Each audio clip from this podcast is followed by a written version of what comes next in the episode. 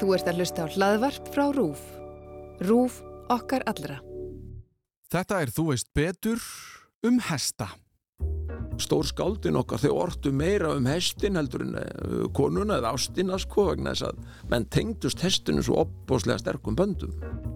90-95% af tímanum er hann í raun og verðinni bara að geta og sofa. Ég ætla að viðurkenna eitt. Ég hef verið hrættu við hesta nánast allt mitt líf. Þetta er engin ofsarhæðsla og hún hefur batnað með aldrinum en fyrst og fremst hef ég ekki treyst því að dýr sem er 5-6 þingra en ég hafi einhvern áhuga á því að hafa mig á baki. Segjandi því hvert það á að fara og hversu hratt. Það breytir því þó ekki að mér hefur alltaf þótt hestar vera flottir að það sé fátt tignarlegra og öruglega skemmtilegra en að njóta íslenskrar náttúru á hestbaki. Það er bara ekkert gaman þegar þú heldur að hesturinn sé sífælt að fara að henda þér af eða hlaupa út í óvissuna með enga leið tilbaka. Hugsanlega liggur vandamálið hjá mér, ekki hestinum. Ég átta mig algjörlega á því en þegar maður er hrættur við eitthvað er það líklegast byggt á þekkingaleysi. Og hvað gerir maður þá? Maður lærir meira. Kynir sér málinn svo að tilfinningar manns eða skoðanir séu að minnstakosti byggðar á staðrindum og ígrunduðu máli. Hvað er þá betra en að fá til sín einstakling eins og Harald Þórensson sem ólst upp á hestbaki og hefur varla stíð af baki síðan. Áðurum við köfum í söguna, byrjum við á kynningu frá viðmælandanum sjálfum.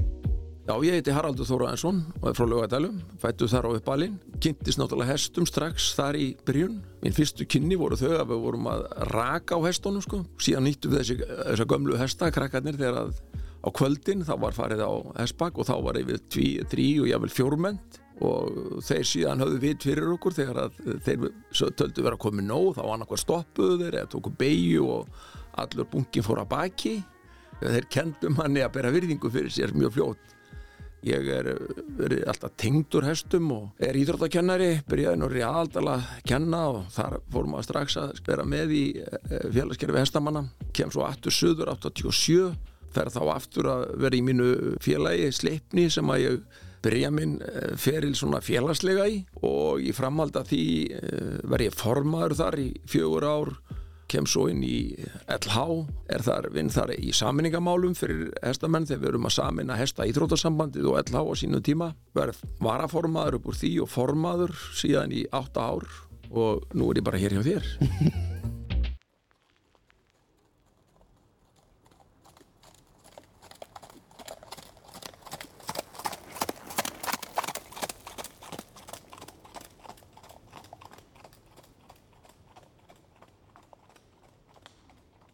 Já, það tali náttúrulega fyrst og fremst að veitt hestin til átu mm -hmm. síðan fara menna að segja á því að það er að temja þetta dýr og uh, þá fara menna að uh, gera það bæði til að flytja sér á milli staða, forða sér undan óvinnum, ráðast á óvinni. Mm -hmm. Þá voru líka þróun í allri hvað maður segja, tamningu og umhörðu um hestin. Mm. Ég er nú ekki vel að mér um hvað þetta allt saman byrjar, er vantarlega byrjar einhverstað í Afríku eða einhverstað og kemur svo upp til Asi og það er talað íslensku hesturinn til dæmis.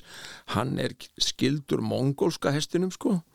Hann á ætti sínar til Noregs, jável til eh, Englas eða þar. Og svo eru ætt kvíslar sem sagt, sem hvað díana rannsóknum sko. Mm. Þá er hann skildur þanga. Já. Oh að þetta náttúrulega helst, ef maður fer í gegnum söguna sko, þá var þetta eins og, eins og stríð mm -hmm. að þá var það rosa mikið sko, þær þjóðir sem voru konið með hermen á hesta mm -hmm. voru allt í þjóðina sem voru byrjað að vinna Já, já, þeir voru miklu, miklu fljóttari náttúrulega og dróðu bæði hergögg þegar menn voru konið með eitthvað til að hvort sem það voru einhverja slöngur til að kasta grjóti eða mm -hmm.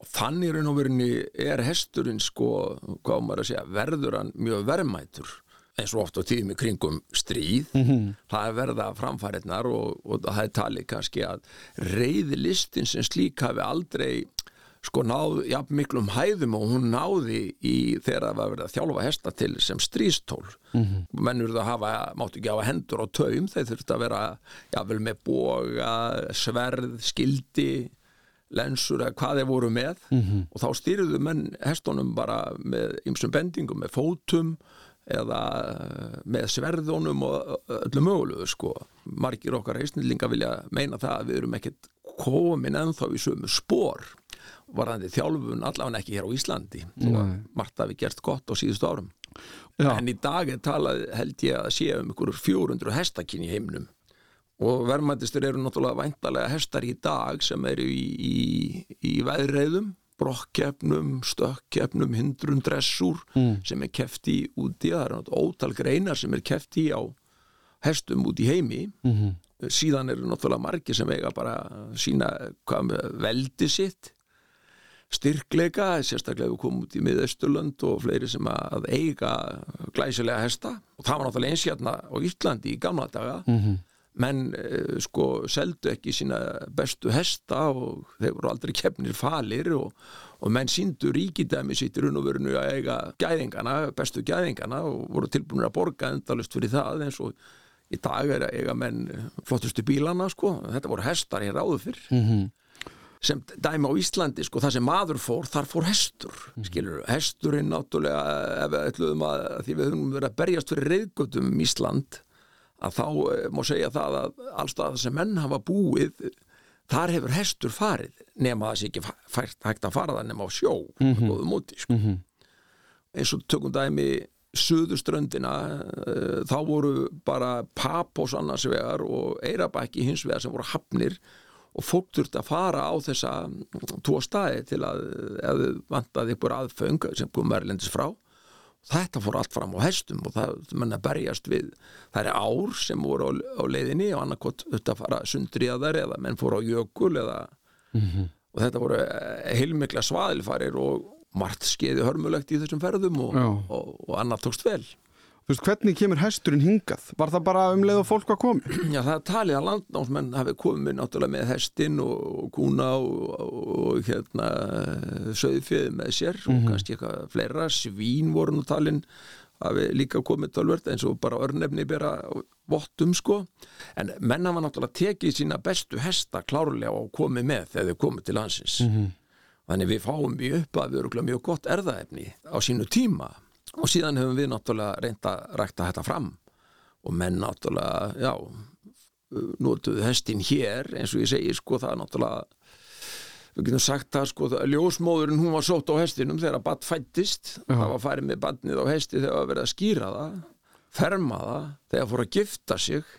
Og skilur og síðan ef þetta er læknir þá kom læknir á hesti og svo var náttúrulega þegar æfin var öll að þá var farið með líkið á hesti og Já, þannig að það var bara, hesturinn var partur af lífinu, bara allar alla gutt, sem Já. sagt, já, já, hann var bara samgöngu tækið okkar svolítið gaman að skoða það eins og ég var að gluggi það að þá uh, las ég það einhver staðar að uh, stór skáldin okkar þau ortu meira um hestin heldur en uh, konuna eða ástina sko vegna þess að menn tengdust hestinu svo opbóslega sterkum böndum. Náttúrulega eflust konun sínu líka skilur, það má ekki já.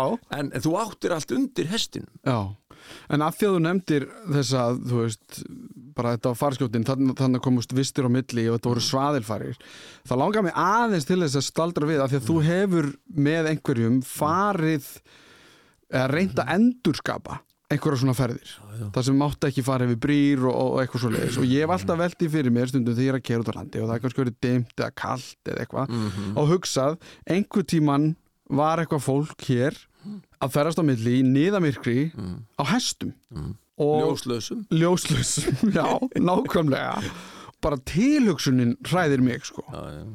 og ég gerir ráð fyrir að það séu draugasögund að komna dálítið að bara í myrkrinu og bara býrðu til eitthvað og þú sérð eitthvað og, og allt þetta myrkri og þóku já, já. já, sko, hvernig var það? Hvernig, hversu erfitt var það? Sko það var náttúrulega hérna uppásmaðurinn að þessu var frændi minn Herman Átnason og hann hafði leiðið svolítið mikið yfir sögunum að landpostunum gamlu og pappans var nú hérna Átni Sigurjónsson í, í Vík var svona einn af þessum kannski síðustu landpostum það, ég mann nú ekki held að vera kringu 50 þá var hann að fara með eh, póstinn milli Víkur og Klusturs ef ég mann þetta rétt. En sem sagt hann kalla saman svona hóp af eh, frændum og, og vinum og kunningjum og við leggjum upp í eh, sagt, þessa ferð frá Hopna, Hopnafyrði og, og hérna eh, var riðið í lögadæli og þarna náttúrulega ætluðum að reyna að upplifa sem sagt hvernig þetta var.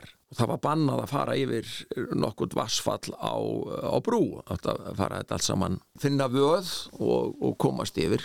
Og fyrsta hindrunin var náttúrulega hotna fyrir að flót sem að ef nú eh, leiki marga grátt sko þetta, eh, þetta gekk bara nokkuð, nokkuð vel vil ég meina. Við lendum náttúrulega í ákunnum erfileikum eins og hverju? Já eh, það var kannski svona allavegna sem að mér fannst nú kannski hvað svona minnistæðast það var þegar við fórum yfir Jökulsá á Breiðmerkursandi og uh, það náttúrulega, hún hefur tekið stórgóðslegum breytingu, sko lóni færist alltaf innar og önn að vera starra en og þessna hefur verið sko sett svona grjótlæsla sitt hverju megin við hana, áður þá flændist hún kannski meira um og eins og Jökul Ár síbreytir ég að vísu kunstin við þetta sem að allir okkur kannski svona byggðu spennu hjá okkur var að við eruðum að taka hana á liggjandana sem kallarst að því að sko það flæðir inn og ef við farið í hana þegar ströymurinn lág inn að þá höfum við geta bara hafnað inn í lóni eða einhver starf á leiðinu það er nú ekki sagt, komist eh, fyrir grjótleistónum upp mm -hmm. og hins vegar geta hafnað út í sjó ef að sagt, útfallið hefur verið og stert mm -hmm. þannig að við verðum að ná eh, að fara yfir hana akkurat þegar að uh, bili var á milli. Mm -hmm. og þetta voru einhverja svona 20 mínútur hálf tími sem að þarna er sem að er til dæla kjört liggjandi. Mm og við vorum mættir mjög tímalega og vorum búin að liggja yfir þessu og skoða þetta og vorum svona með ymsar áhugju til dæmis og sáum að mikið að sel hvernig myndur nú hestarnir bregðast við að veri selur eða eitthvað sem að kemur nú allt í hennum poppaði fyrir framann hestin en við þurftum náttúrulega svo sem kannski ekki hafa áhugjur að því því að selurinn kannski var, ekkert að þvælast í kringum okkur en þannig var líklega svona, ég veit nú ekki hvað þetta verið langt sko bara sund, bara róka sund og það var náttúrulega mikið spenn og við vorum búin að semja við staðarhaldra þarna á lónunum að þeir kæmu og væru með björgunabát fyrir neðan okkur ef illa færi eða þetta sækja okkur upp í lón mm -hmm.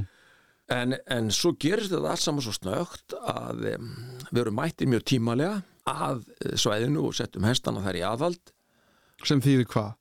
Í gyrðingu bara, já, já, bara já. meðan við vorum að undirbú okkur og hérna síðan bara áttum við okkur á því að, að leikjandin er komin og við þurfum bara að drífa okkur að því að uh, gera hestana klára og sjálf okkur og koma okkur út í og þegar að við svo sem síðasti maður fer í land eða kemst yfir að þá er ísin að byrja að koma fyrstu skareinar niður að okkur sko og byrja að, að, að flæða út. En þetta gekk allt mjög vel og við komumst þarna allir yfir og ég, ég held að það hefði engver farið þarna sundriðandi yfir þetta korki fyrir ég síðar sko, menn fóru á jökli yfirleitt, menn voru, það var sérstakki menn sem sáum það að, að gera klárt á, á jöklinum sko, gera götur og sandberað þess að menn getur farið þar yfir. Þetta var náttúrulega breytilegt og stundum kannski hafa menn komist meðan hún gætt breytt meira úr sér en, en eftir hún er komin í þetta farið hefur þetta ekki verið gert og kannski engin ástæði til þess að vera að þessu sko en En manni verður hugsa til þessi raun og verinu sko, við með okkar fínu fött í dag þegar menn voru að berjast í þessu hérna áður fyrr, hvort sem það var við þessar jökulsá og breyðamörgsandi eða aðrar ár þetta hefur alveg verið hryllilegt sko, mm -hmm. raun og verinu menn voru höfðu bara uh, vísuð sannar það að íslenska öllin hún er, hún er frábær já, já. Og menn voru náttúrulega í öllarfötum og svo kannski einhverju skenglaðum en það var oft sagt um hesta sko þegar þið komu að því það voru oft timtir bara bát og róið yfir að þegar þið komu að Jökuls á Breðamörgsundi þá hafið þeir byrjað að rista sér því þeir sem voru vanir að fara þar yfir því hún er svo kold Já, einmitt. Og, og hérna, þannig að, að sagt, og horfir á fötinn sko hjá mönnum sem voru að verkjast í þessum ám þá hefur það verið oft á tíðum öruglega mjög svaðilsamt Já. Mm. En hérna, já ég bara, já Mér finnst þetta einhvern veginn, þetta er bara hálf ótrúlegt eitthvað. Að fara einhvern veginn, en þetta var bara eina legin Já, já. Bara, En sko, hvenar áttum við okkur á því að hann er svona góður hestur? Hvenar byrjum við þessar kinnbætur, hvenar eru, þú veist eða kinnbætur, ég har ekki rétt á orði en hérna Sko, náttúrulega í upphafið, eins og við tölum um þegar menn komi hér fyrst, mm -hmm. að þá komum við sína bestu hesta. Mm -hmm. Ég held að sko, ræktun og íslenska hestunum, hún hefur breyst rosalega mikið mm vegna að hérna áður fyrr þá miðaðist ræktunum á hestinum við það að að verða að treysta honum fyrir næstu hverjum sem var. Bara skapgerð. Já, skapgerð, örlindi og fleira sett að og í dag erum við á móti að e, rækta hesta sem að við getum, sem við getum náttúrulega treyst líka mörgum hverjum mm. en við erum samt að velja hestana á völlum þar sem ekki má vera neinn þeir eru tölvu teknir og ef það er einhver gloppa eða eitthvað í þeim að þá verða knabarnir ekki hressir eða ræktundinir og það miðast allt við afköst á gangi og oft eru þessir hestar mjög hátstemtir í, í vilja og öðru slíku og henda alls ekki nema mjög færum eistaklingum að, að ná allavegni þau besta út úr þeim mm -hmm. eru kannski ekki beint fyrir já. eins og við, við horfum á allar hestalegunar á Íslandi og alla þá útlendingar sem koma til að fara í hestaferðir. Og það er ekki verið að fylgjast með því því sem ég best veit hvaða stopnar eða hvaða línur duga best í þessu. Og það er ekki verið að aðtúa með þreg hestana í dag sem dæmi í, í þeir út að velja undaneldiskripi eða kimbótagrippi er, er þeir sko þreg, þreggóðir mm. fótvissir eða slikt sko. Eh, hesturinn er notaður sennilega 95% í, á íslenskum reykvöldum en ekki á tölvutækum keppnisvöldum bara sem dæmi.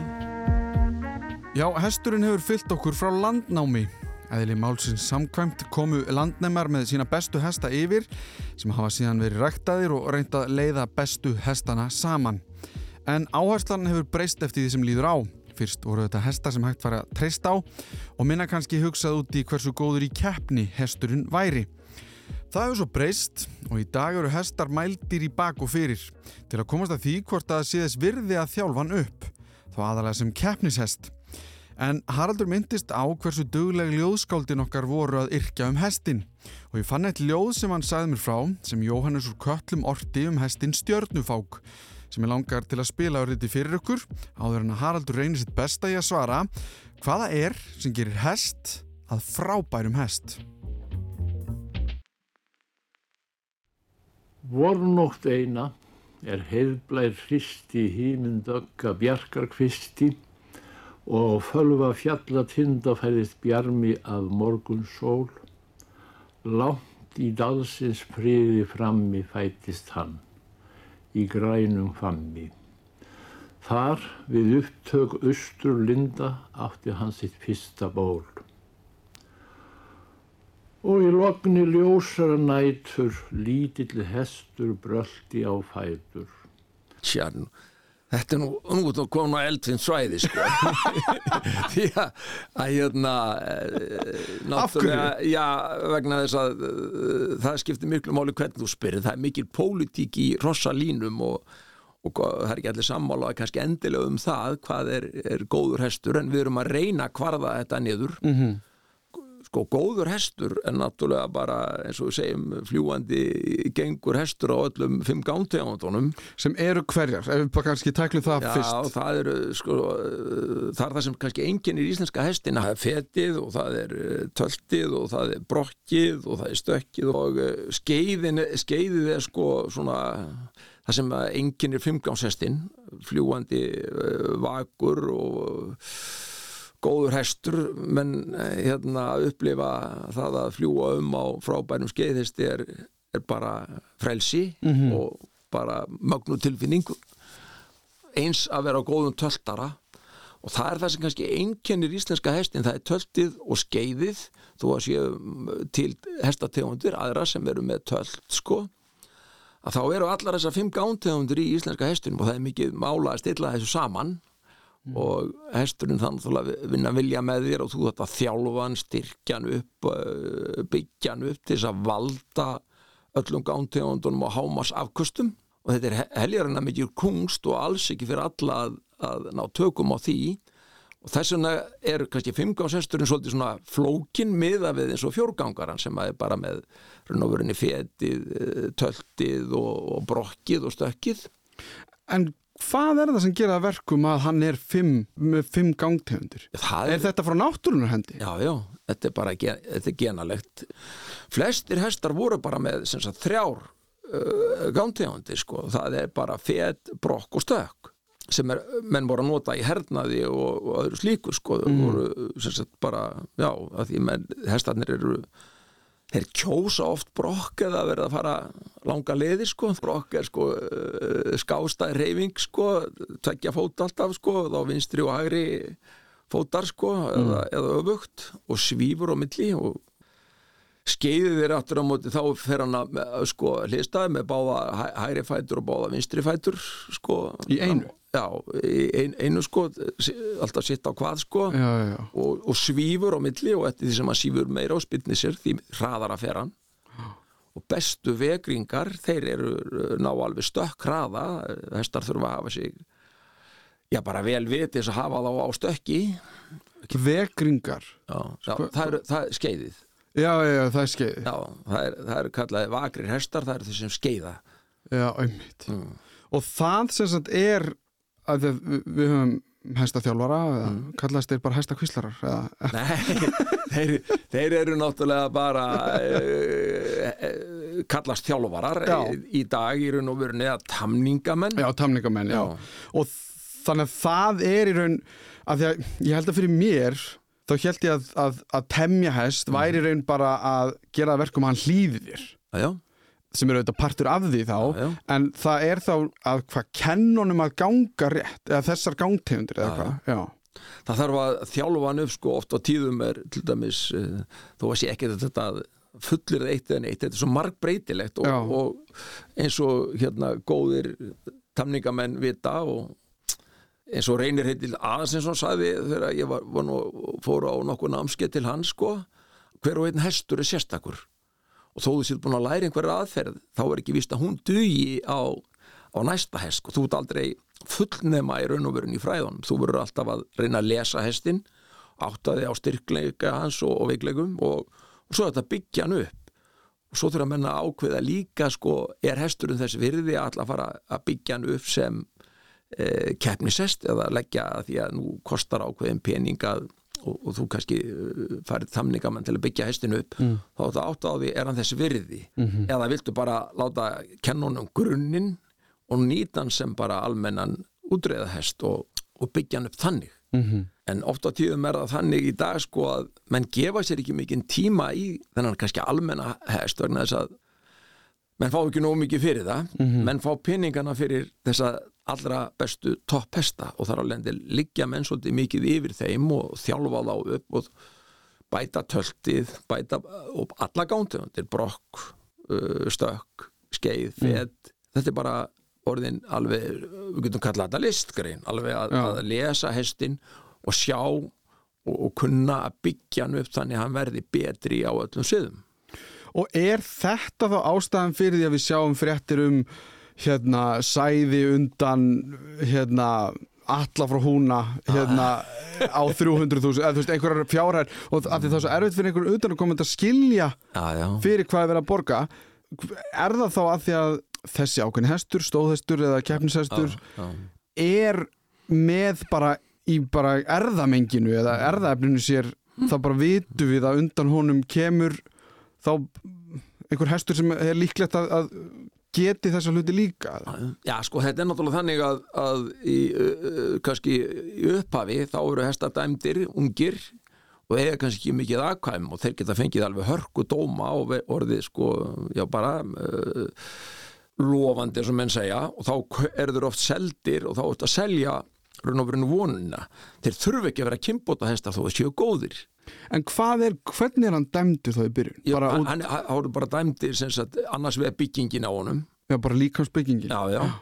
hann fara ákveðna tölur fyrir þessa þætti Mm. fyrir höfuð, hálsherðar og bóa samræmi, bak og lend og na, fótagerðina og, og síðan er náttúrulega sko eins og með stóðhestana þá eru mælt í þeim eistun líka vegna þess að frjósemi fyrir eftir stærð og þéttleika eistna sko Mm. Og uh, skiptir óbúslega miklu máli að það séu góður lægi því að eitt af fyrsta sem oft dettur út þegar farið að rækta er frjósemi og að út að tala um raun og verinni sæðingar, mm. spurður um þær mm. að þá er þetta þannig sko að, að þetta byrja hér 98 þegar að hittapestin kemur og þá uh, fara menn að velta þessu fyrir sér að uh, hvað ef að það komu upp sjúdómar á Íslandi í kringum íslenska hestin, við getum farið með íslenska hestin í dag um all land. En ef það kemur einhverja gyrðingar og segjum að við mættum ekki fara með hestin yfir e, helliseiði eða úti við þjóssá eða holtaverðu östnallas, við vitum ekkert hvað geti komið, það geti komið upp einhver eða kemur einhver sjúkdómur upp mm.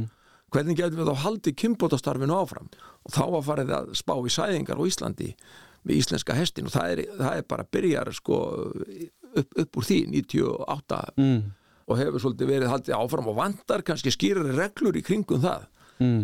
hvað, skans að sæðingar vegna þess að þegar það verða sæð, þá snýstum við peninga mm. svo þú sæðir hestar sem að ná frábærum árangri toppa á móti eh, sko að þeir verða mjög vinsælir eða hestar sem eru sína það að þeir eru kimbóta hestar mm. sem sagt afkamunundan þeim er að reynast vel og þá fara menn að vilja leið undir það og, og, og þá kannski geta þeir ekki annað þessu eins og var mm. þeir voru kannski með tvö gangmál það sem voru 20 merar yfir 40-50 merar yfir sömari, það var talið bara góð og skamtur fyrir stóðhest mm. núna er kannski verið að sæða 100-150 merar við eh, hesti að því það er bara verið og fær meira fyrir já, fær meira fyrir já. og hesturinn er, er vinsæl menn hafa ekki móta sinna einar reglur um þetta en, en auðvitað færðu miklu meiri pening fyrir þetta og, og, og, það kostar líka dýralæknir og meira og meiri kringum þetta En áður en að við fyrir kannski í að því mér langar til að kynast bara hestinum mm. bara okkar hesti á annan hátt en kannski þessi keppnis Já. er einhver peningur í því að keppi hestum?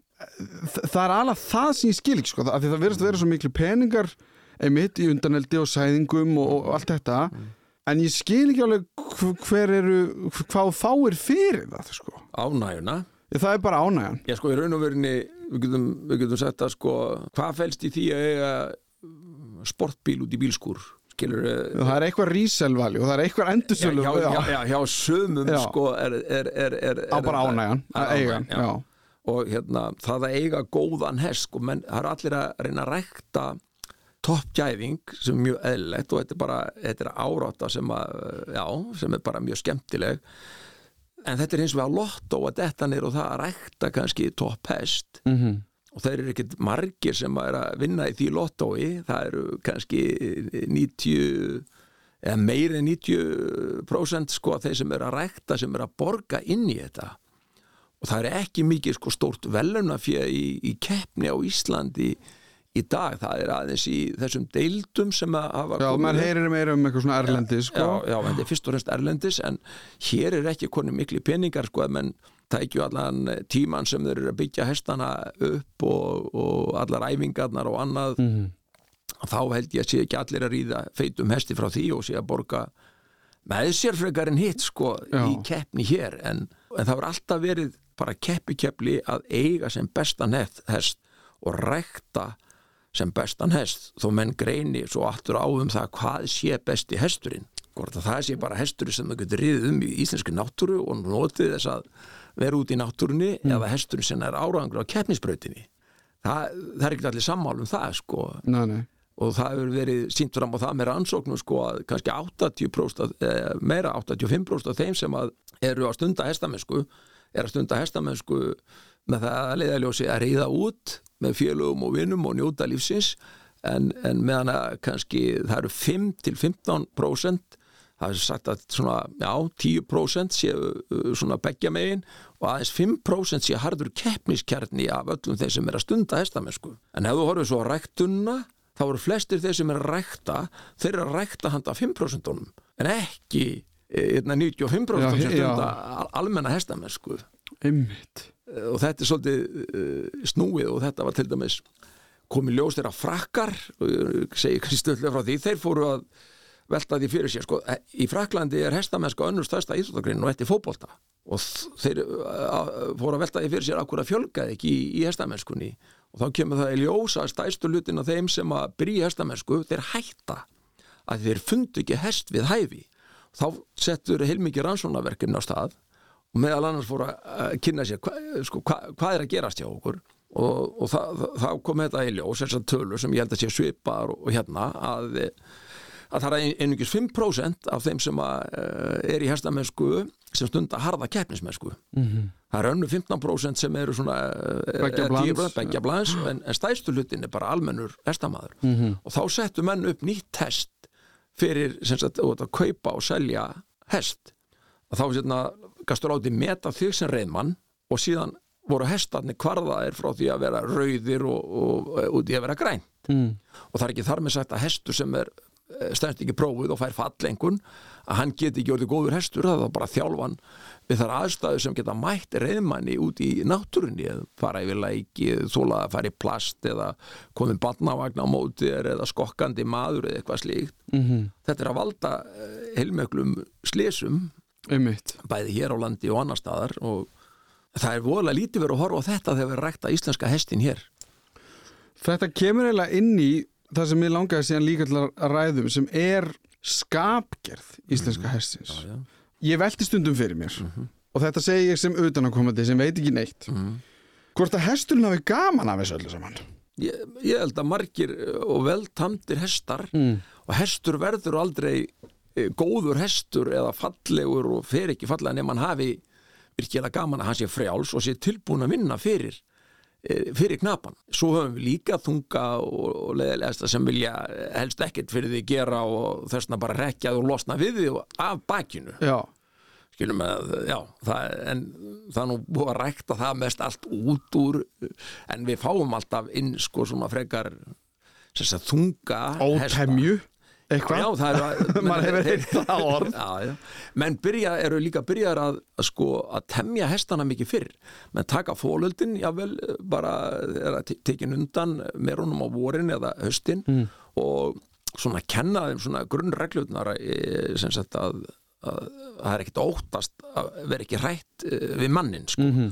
taka upp fætur og, og fleira og fleira þess að hesturinn er náttúrulega flótadýr og alltaf í raun og verunni ef hann verður hrættur þá er það fyrsta sem hann hugsa um það er að hlaupa, forða sér Mhm.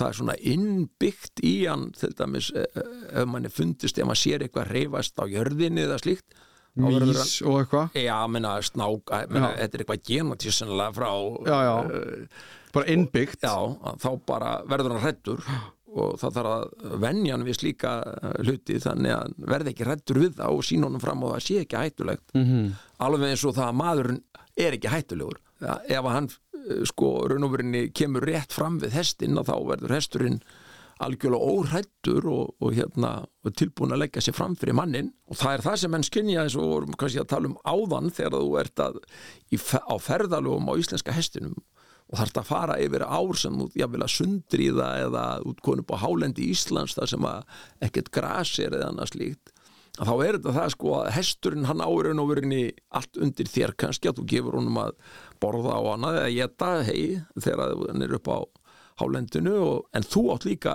lífið þitt undir honum að hann komið þér á áfangastað Þetta er svona rosalega traust.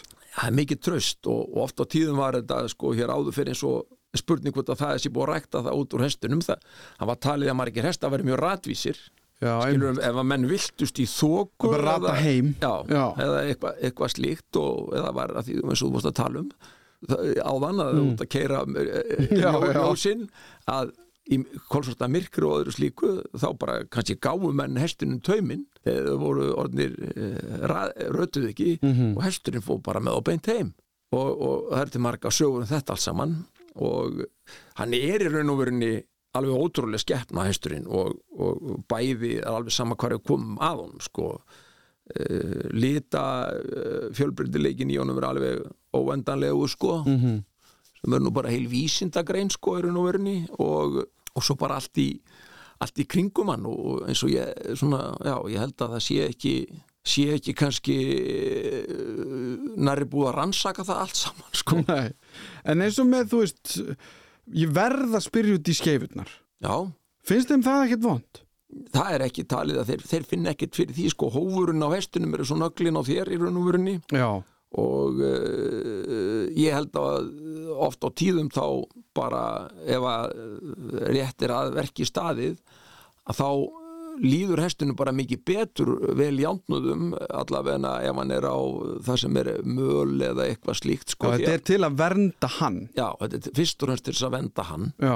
vegna þess að öðrum kosti verður hann bara sárfættur og, Já, já, já. og ómulegur og, og menn eru, sko, játningar eru náttúrulega bara alveg sér inn greinur en það eru sjúkra játningar og ef að hóvar á hestum geta sprungið og allt mögulegt gest og þá þarf að færa fagmenn til að að meðhöndla það þannig að vel sé Já. það er allt til þess að hestinum líði betur Hvað verða hestar gamlir? Hver er líftími? já sko, langt flestir hestar eru svona upp á skrifbrett þeir verða einhverjum bylunu 20-30 ára nú til alveg upp í 39 eða 40 ár sem að held ég að Metið eða eitthvað? já, En, en sko langt flestir hestar eru nú já, feldir þegar eru orðnir svona 20 pluss sko. Já, og því nema eh, eitthvað bíli fyrr sko þá eru þeir feldir og. Er það ekkert, er það kannski bara eins og þú veist, fólk á hunda og ketti og fleira og síðan verða þau kannski gömul og þá er lífið ekkert orðinni sérstaklega spes? Mm, að þú veist að því maður þekkir það bara með hund og ketti meira sko Ég held að með nú segja það sko og þessi kannski ljótt að segja það það sé allt og mikil kannski oft á tíðum tilfinningar sem í einstaklingana, hvort sem það nú eigingirni að hvað það er, það er verið að halda lífi allt og lengi í hestum sem eru orðnir kannski já, bara eru giktveikir eru með einhverja sjúkdóma og, og hérna á ekkit fyrir þeim annað að liggja en að vera feldir sko að, að taka þá ákvörðun minna, maður gerir sér grein fyrir að það er ekkit einfalt að það eru mikla tilfinningar sem tengjast hestinum sem, svo við veitum að höfðingja létu sko jarða sig með hestinum sínum og, og hestar voru stundum heigðir með öllum reyðtíum og annað og eins og ég var að segja á það sko, það eru sterk bönd sem myndast á milli hess og manns og, og ótrúlega sterk. Og það er, held ég að reynist öllum sem hafa einhverjar tilvinningar þungt að þurfa að fella hestin sinn mm -hmm. það er ekkert sko, það er ekkert létt mál sko, Nei. en það er eins og verið alveg nöðsynlegt Má maður ekki labba fyrir aftan hest? Jú, jú, jú. Sko sjónsvið hestins, hestins er allan er raun og verin í ringinu hann, sagt, eh, hann tengir ekki saman með augunum í raun og verin þannig að hann, hann þarf að sjá bæði með hægra og vinstra eh, auganu sko til þess að átta sig á eh, hlutnum sko og það er smá bíl fyrir aftan hann sem er blind bíl en ef hann veit af þeir er allt í lægi og hann sjáu það ekki og ef hann er ekki hrættur eða neitt og slagur þá á að vera allt í himna lægi en, því það er eina sem ég man bara ekki labba fyrir aftan hest, það mun sparki í þig Nei, nei, hann, það er, það er sko, en Gömul mýta nei, ég er ekki komið mýta menn er alltaf að fara að vallega í kringum hest, Mhm. það er alveg nema þú þekkir hann út og inn Mhm. þú ert ekki að vaða einhverjum hesti sem þú þekkir ekki því að Nei.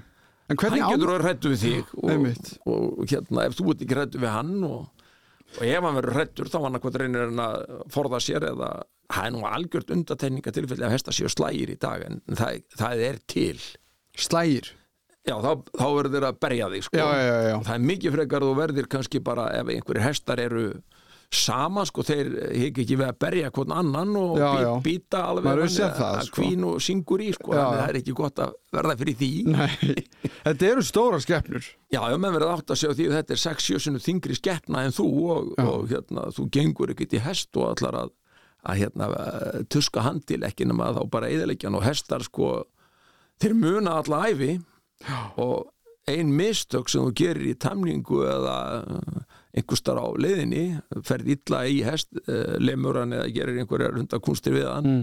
hann mann það mjög lengi og jável alla æfi og, og er, þessna er mjög dýrt að gera mistök í kringum hestin er, hann mann það svo lengi sko. Já. Við getum talað til dæmis um það með hestin í, í dag sko, það er oft mikið í fréttum að sé verða að fara illa með hesta. Já, þ- maður er svona meira Já. var við það allavega. Og eh, það er náttúrulega alveg hræðilegt þegar það er gert sko. Mm. en að því vorum að tala um sko að þykja væntum hestin og allt þetta þá er líka hægt að eðilegja hestin með því að þykja væntum hann. Alveg svo með hundin og köttin og verið það sem er að verða vandamál líka í íslenska hestunum með það, það er áunnin síkusíki vegna þess að hann fær bara of mikið af, of góðu fóðri. Þá bara eh, sem sagt fær hann áunna síkusíki eins og maðurinn og þetta er að verða miklu stærra vandamál heldur en, eða ég vona það allavega, heldur en það sé vera að fara illa meðan menn þess að að sko það yfirleitt kemst nokkuð fljótu upp. Og ég held eins og sko oft á tíðum þá er þetta svona þetta er bara einhver, svona, einhver sorg harmleikur, það er eitthvað frekar að hjá manneskjunni sjálfri Já, já, sem að veldur því að þetta gerist og, og ákveðlega flókið að taka á þessu. Þurfa uh, margir fagalega að koma að í raun og verunni en, en þetta með að vera ógóðu við hestin einmitt. það er líka hægt. Menn verða að hafa það í huga. Já, ég meina við sjáum líka feita hunda og ketti hérna út um allan bæ og eitthvað. Geta, geta allar hefð sig. Já, ég segi það.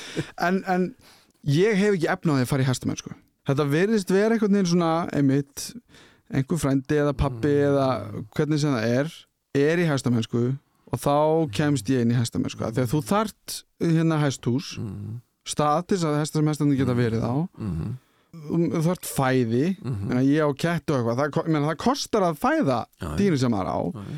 síðan eru nakkar og þetta er allt úr leðri og mm. veist, alvöru, dótið og veist, þetta er dýrt sport, mm. er það ekki? Já, að komast inn í jú, sko það er eh, og síðan hesturinn fyrir utan já, það já Já, já, en ég sko kannski er nú uh, nú oft verið að velta því fyrir sér sko það var talið að, að eiga hest og fæða eh, þú ert náttúrulega, það er ákveðin stoppkostnaður en að, sem sagt, að eiga hest að vera svona álíka mikið og, og kostnaður og reykja einn síkartupakk á dag það að, sagt, að eh, hýsa hestin sjánu fyrir hegi og öllu slíku Nú, ekki sko. meira? Nei, það, það var þannig ég veit ekki hvort að, ég Já, já. náttúrulega ekki reiknað það út sko, en, en svo náttúrulega ákveðin stoppkostnaður út að kaupa þér hestin en hver er reytíin já, en, en ég er ekkit viss um það að þú áttorið þetta að það sé neitt dýrar að vera í hestamennsku heldur en uh, öðrum íþróttum þó ég get ekki fullirt um það. Nei. Ekki, já, ekki nema þú ætlir að fara að kaupa sko einhver stjórnu stóðhest eða meri. Já, já, þá, þá, þá ertu fann að tala um svolítið stóra upphæðir eins og kannski flottustu sportbíla eða eitthvað slíkt sko. Já. en, en, eh, en þegar þú komið með þetta jú, jú, svo þarf hestús og þetta hefur verið vandamál sko núna upp á síkasti það er sko nýluðun í hestamennsku. Já, af því að ég er að spyrja af því ég hugsa, ef að mig myndi langa í hestamennsku já, ég veit ekki hvað ég ger ég veit hvað ég ger ef mér langar til að byrja að hefa fótbolta eða allt þetta. Já, já, en það er þetta kannski já en ég meina ég þarf að eiga einhverja hundra þúsund kalla til þess að kaupa hest. Já. en ég veit ekki hvar ég kaupi hest og ég veit ekki hvernig ég kaupi hest og allt þetta. Ég myndi bara fara í það hestamannafélag sem er næstir og fá ráleikingar hjá þeim sko. Og hestamannafélagin eru náttúrulega fyrst og fyrst gátt í æskulistarfinu að bjóða upp á hesthús og, reyna að útvega hesta og annars lítið handa krökkunum til þess að þetta kosti ekkit meira heldur en bara hvað annað í byrjun og menn, menn átt að sjá því vilja þetta vilja þetta ekki þú þyrftir að finna þig bara einhvern góðan uh, tamningamann sem að myndi eða einhverja hestalegu eða það er bjóða sumar upp á þessa þjónustu að kenna þær umgangast hestin og sína hann er ekkert hættilegur myndi finna þá hest við hæfi eins og ég var að segja á þannig frakkarni gerðu. Mm -hmm.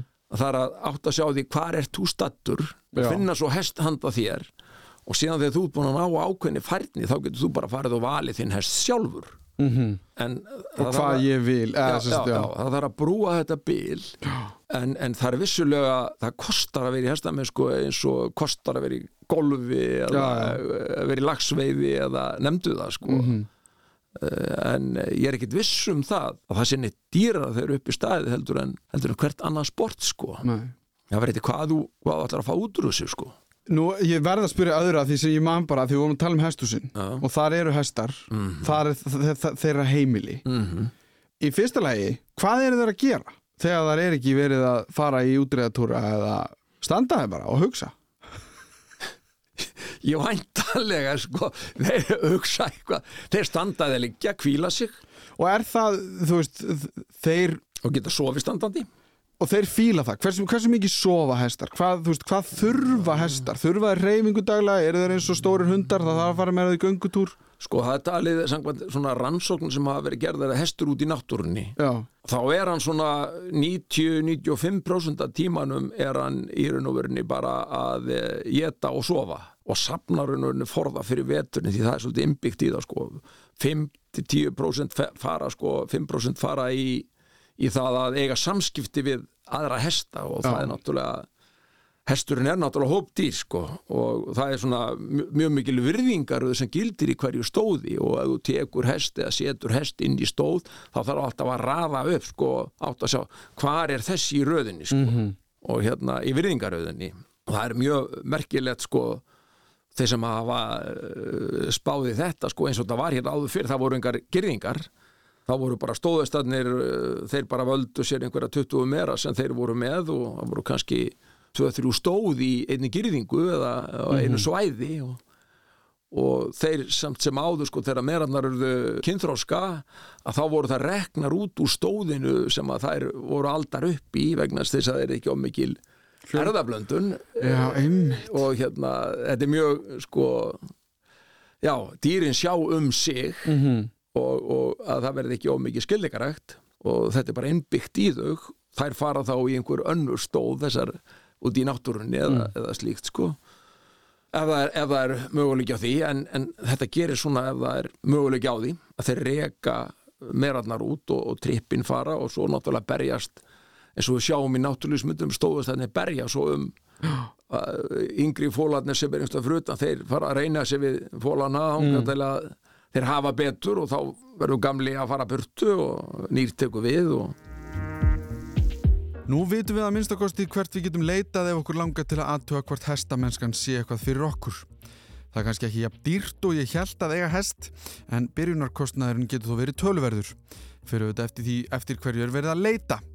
En við þurfum ekki að hafa ágjör á því að skeifurnar sé að meiða þá eða þeir muni sparka í okkur ef við löpum fyrir aftan á. Það er minnstakosti ekki stránglega bannað eins og ég held, en líklegast er best að vera ekkert að því að ástæðu lausu, bara svona til öryggis. En þá langaði mig til að hugsa þess fram á veginn. Hver er framtíð íslenska hessins?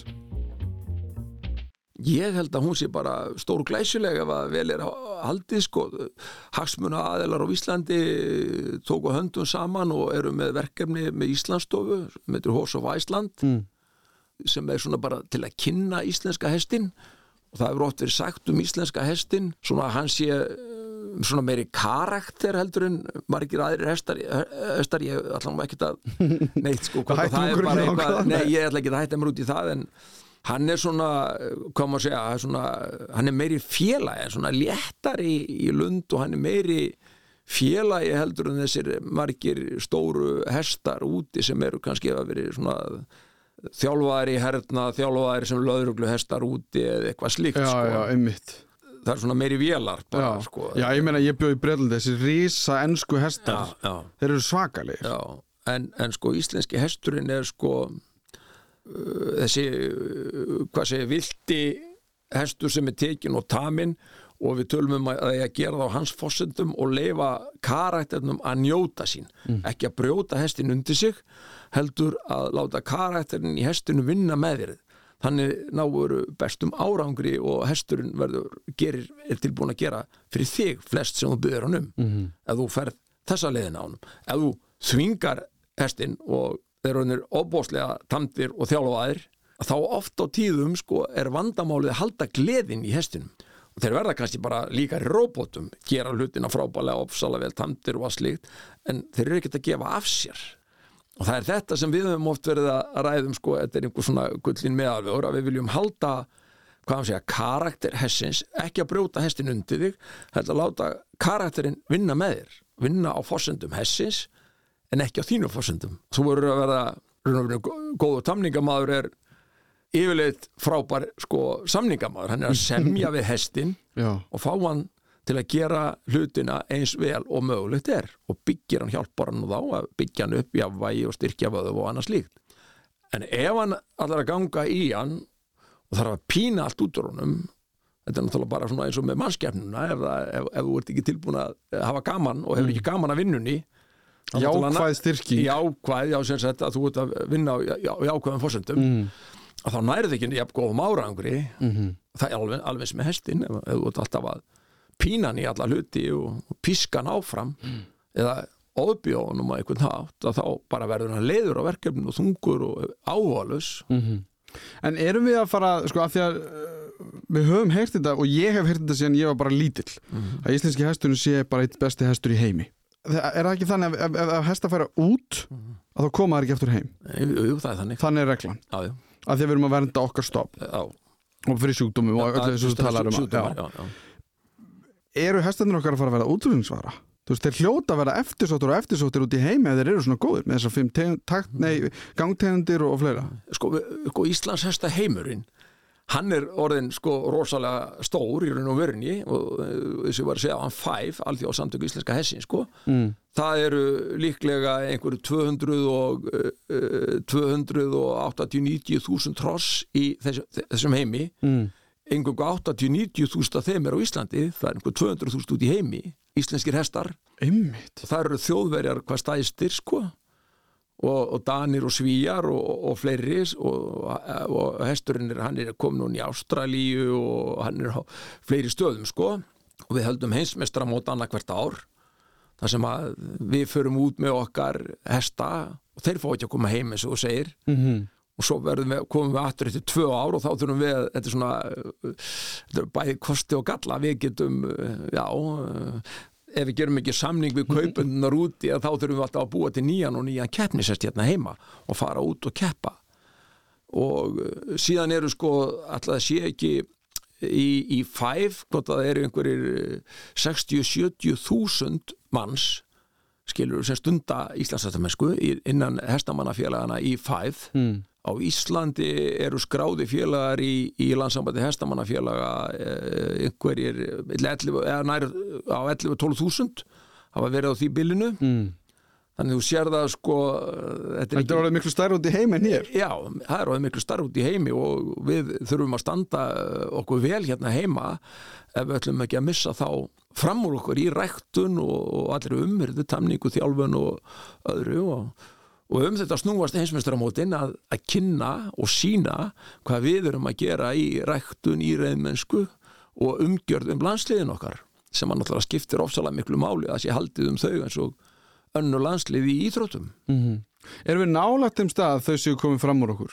Erum við ennþá best í við, já, já, já við sko þjóðverjar voru nú oft mjög erfið við okkur sko en ég held að í dag erum við að uh, bara ná, höfum við verið að ná þokkalegum árangur síðustu árin sko.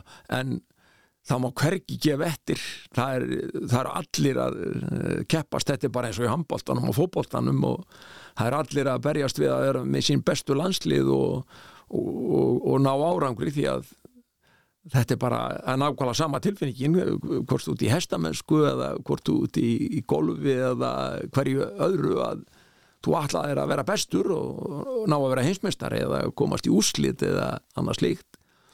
Og ef að við stöndum okkur ekki í því þá náttúrulega dettur niður rossasalan hjá okkur af þessu leiti hún tengist árangri. Sko að má segja það að íþróttin sem slík, hesta íþróttin hún svona er það sem að er í fjölmjölum ekki meira heldur en kannski eða almenna starfi kringum hestin. Þess vegna skiptur ofsalega miklu máli upp á útbreyslu og kynning á hestinum að það sé haldi vel á spöðunum í kringum keppnina sem hestamannafélögin í kringu landi gera og, og svo úti líka og svo koma samtökin og standa fyrir landsmótum eða heimsmjöstaramótum og, og fyrir e, mentun dómara, fyrir e, unglingastarfinu og kynbótastarfinu. Þetta er allt gert síðan á vegum landsamtakana og fæf eins og bara, eins og ég segi, eins og í handbólta, fótbólta, golfi eða hvað kemur að við erum ekkert annað en bara íþrótt. Þó að sé erfitt fyrir marga kingjaði að þá er hestamennskan í dag fyrst og fremst íþrótt Nú ættu allar okkar áhyggjur eða hræðsla við hestin að vera komnar undir græna torfu. Ég veit allavega sjálfur að hann vill mér ekkert ílt, þó hann sé tölvert þingri en ég og hafi enga ástæðu til að hlusta nokkuð á það sem ég er að segja. Það er mikilvægt að koma fram við hestina virðingu eins og með allt annað og átta sig á þessu gagfama trösti sem verður að vera til staðar. Þannig að næst áður en ég fyrir á bak, hvenar sem það svo sem verður, ætla ég að kvísla við erum saman í þessu. Að hestinum, stilla strengina þá getur þetta ekki klikkað. Ég vil þakka Haraldi Þórarin sinni fyrir að koma til okkar og segja okkur frá hestinum. Ef það er einhverjar spurningar eða ábendingar er hægt að senda mér post á allimara.ruf.is Ég heiti Allimár Steinarsson og þakka svo fyrir mig. Þetta var Þú veist betur um hesta. Heyrumst í næsta þætti.